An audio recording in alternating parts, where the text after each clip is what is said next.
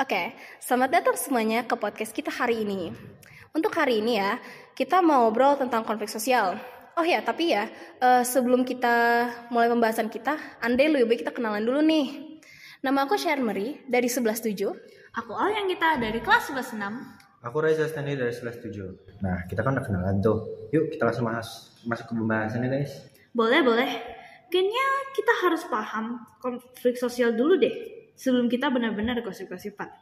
Iya ya, aku sih sempat kemarin ngecek apa artinya itu konflik sosial. Nah, aku nemu nih, katanya tuh ya, konflik sosial itu sebuah pertengkaran antara anggota-anggota di masyarakat yang bersifat menyeluruh dan dialami dalam kehidupan kita itu eh, biasanya sehari-hari sih. Oh iya, oh iya, fun fact. Konflik itu juga berasal dari kata kerja Latin yang artinya saling memukul. Dia itu berasal dari kata configere. Oh, kayaknya hampir semua kata-kata kita berasal dari bahasa Latin sih. Gue gak kaget. Ya emang, tapi jangan off topic dulu dong. Iya, santai. Berarti rasisme bisa kita bilang suatu konflik sosial ya? Ya bisa kok. Nah, kalau menurut aku sih ya, rasisme itu bisa dianggap suatu konflik sosial itu karena apa? Karena terjadinya setiap hari dan juga memengaruhi interaksi sosial kita dengan semua orang. Hmm, tapi artinya rasisme itu apa sih? Oh, aku mah tahu yang ini. Kalau menurut KBBI, definisi dari rasisme atau ra- rasialisme adalah prasangka berdasarkan keturunan bangsa, perlakuan yang berat sebelah terhadap suku, bangsa yang berbeda-beda. Paham bahwa ras sendiri adalah ras yang paling unggul. Kalau menurut kumparan, itu eh, rasisme ini terjadi ketika individu secara langsung menyampaikan sikap, tindakan, atau komentar yang merendahkan atau merugikan individu lain berdasarkan jenis ras mereka. Kalau menurut aku sendiri sih, itu tuh rasis adalah ketika salah satu individu menghina suku atau etnis atau agama individu lain dan membanggakan suku etnis agama dirinya sendiri. Ah, paham, paham, paham.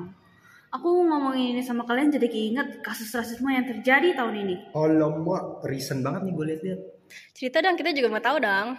Jadi ini kejadiannya di Golden Disc Awards. As- acara ini sebenarnya dilaksanainnya di sini, tapi pasti dominannya orang Korea yang datang untuk ikutan.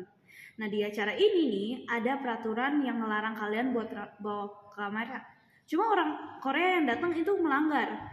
Yang pasti diusahain sama staffnya buat negur mereka, tapi tetap aja nggak mau ikutin.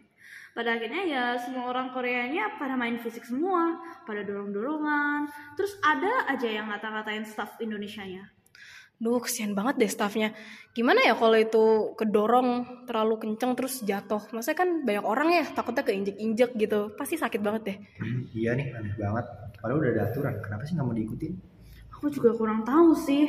Tapi dari sikap mereka kayak ngata-ngatain orang mereka orang Indonesia itu pakai slur atau mungkin mereka merasa lebih dari kita. Atau emang di negara sana kadang suka ngerendahin negara yang kurang maju aja. Ih, tapi aku juga ikut ingetan sih tentang kasus-kasus yang ginian. Eh, ini kasusnya sebenarnya terjadinya beberapa tahun yang lalu dan juga nggak dipublish di news. Bahkan videonya itu di delete sama si youtubernya. Jadi eh, ada youtuber asal Indonesia, dia tinggal di Bali yang eh, melakukan interaksi dengan orang Korea lewat eh, website namanya Omegle. Oh iya, aku juga tahu itu apa. Itu yang website buat video call itu kan ya? Yang bisa video call sama orang dari luar negeri yang random gitu. Iya, yang itu. Intinya tuh ya, YouTuber ini tuh dikata-katain sama orang Koreanya. Kayak, oh your face is so ugly man. Terus Korea, orang Korea itu juga sempet-sempetnya merendahkan orang Indonesia. Kalau nggak salah dia juga bilang kayak Koreans are more upper than Indonesians. Ngomong Inggris aja masih nggak bener deh. Ah, iya lagi. Tapi emang apa ya sejarahnya di belakang semua attitude mereka? Mungkin ya karena zaman dulu Korea emang sempat jadi negara miskin banget.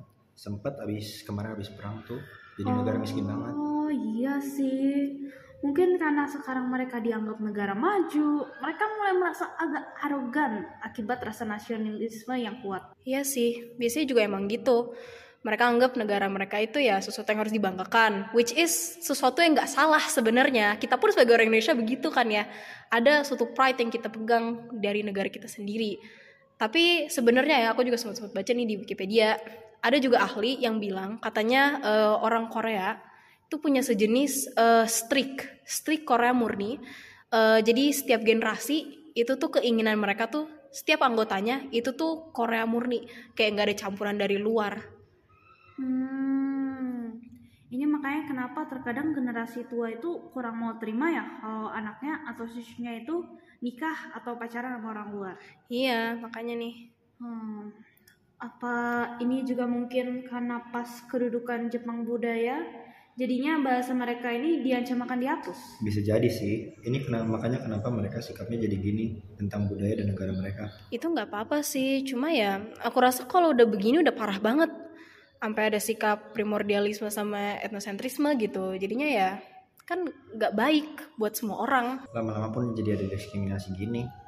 Gue dengar-dengar katanya di Korea itu bener-bener nggak ada uh, undang-undang anti diskriminasi atau ya emang nggak dianggap sebagai hal yang penting. Hmm, emang banyak sih kasus kayak gini. Banyak orang asing yang ditolak layanan di tempat publik. Ada juga pun yang beberapa laporan tentang murid-murid yang bukan Korea murni mengalami kesulitan bersosialisasi dengan teman, teman sekelasnya. Ada juga aku dengar katanya eh, ada beberapa anak yang mungkin campuran dari luar Korea itu yang merasa malu atau emang ya takut dikucilkan atau emang udah dikucilkan dari awal. Kasihan sih kalau misalnya kita dipisahkan dari orang lain. Bisa aja jadi beberapa kasus di mana adanya pembulian. Terus yang kena mental anaknya. Kita pun nggak tahu sampai mana akibat diskriminasi itu. Iya ya. Mungkin sekarang waktunya kita tutup pembahasan kita dulu deh hari ini ya. Tapi sebelum itu, aku mau tanya sama kalian deh. Menurut kalian sikap rasisme itu sesuatu yang bisa dihilangkan gak sih di tengah-tengah masyarakat kita ini? Hmm, kalau misalnya kita berpikir secara realistis, sebenarnya menurut aku enggak. Rasisme itu sesuatu yang emang udah berasal dari sejarahnya. Kayak tadi kita sempat bahas kan, sejarah itu bisa dilupakan. Tapi kadang kalau dilupakan kita nggak tahu apa aja yang ada di pikiran orang. Mungkin aja masih ada emosi negatif yang berhubungan dengan sejarahnya itu sampai mereka benar-benar mengajarkan sikap negatif ini ke generasi selanjutnya.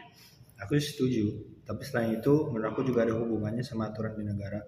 Kalau aturan yang gak cukup kuat terus saat pengadilan masih ada sikap bias ya terhadap yang lebih dominan itu bisa jadi masalah. Hmm, ya sih. Tapi mungkin kali ini kita bisa berpikir positif dulu. Mungkin di sekolah-sekolah itu bisa diajarin untuk lebih melihat ke sisi positif, di mana uh, murid-murid bisa diajarkan untuk saling menerima keberagaman. Kayak di Indonesia, ya walaupun sering masih ada rasisme, cuman kita lebih cenderung bisa lebih menerima hal-hal yang berbeda karena itu dijadikan sesuatu yang bisa ya bisa kita jadikan pride gitu. Hmm, iya sih. Jadi mungkin aja bisa dibilang um, rasisme itu bisa hilang. Tapi kemungkinan atas perubahan itu bergantung kepada kepribadian kita masing-masing. Ya sih.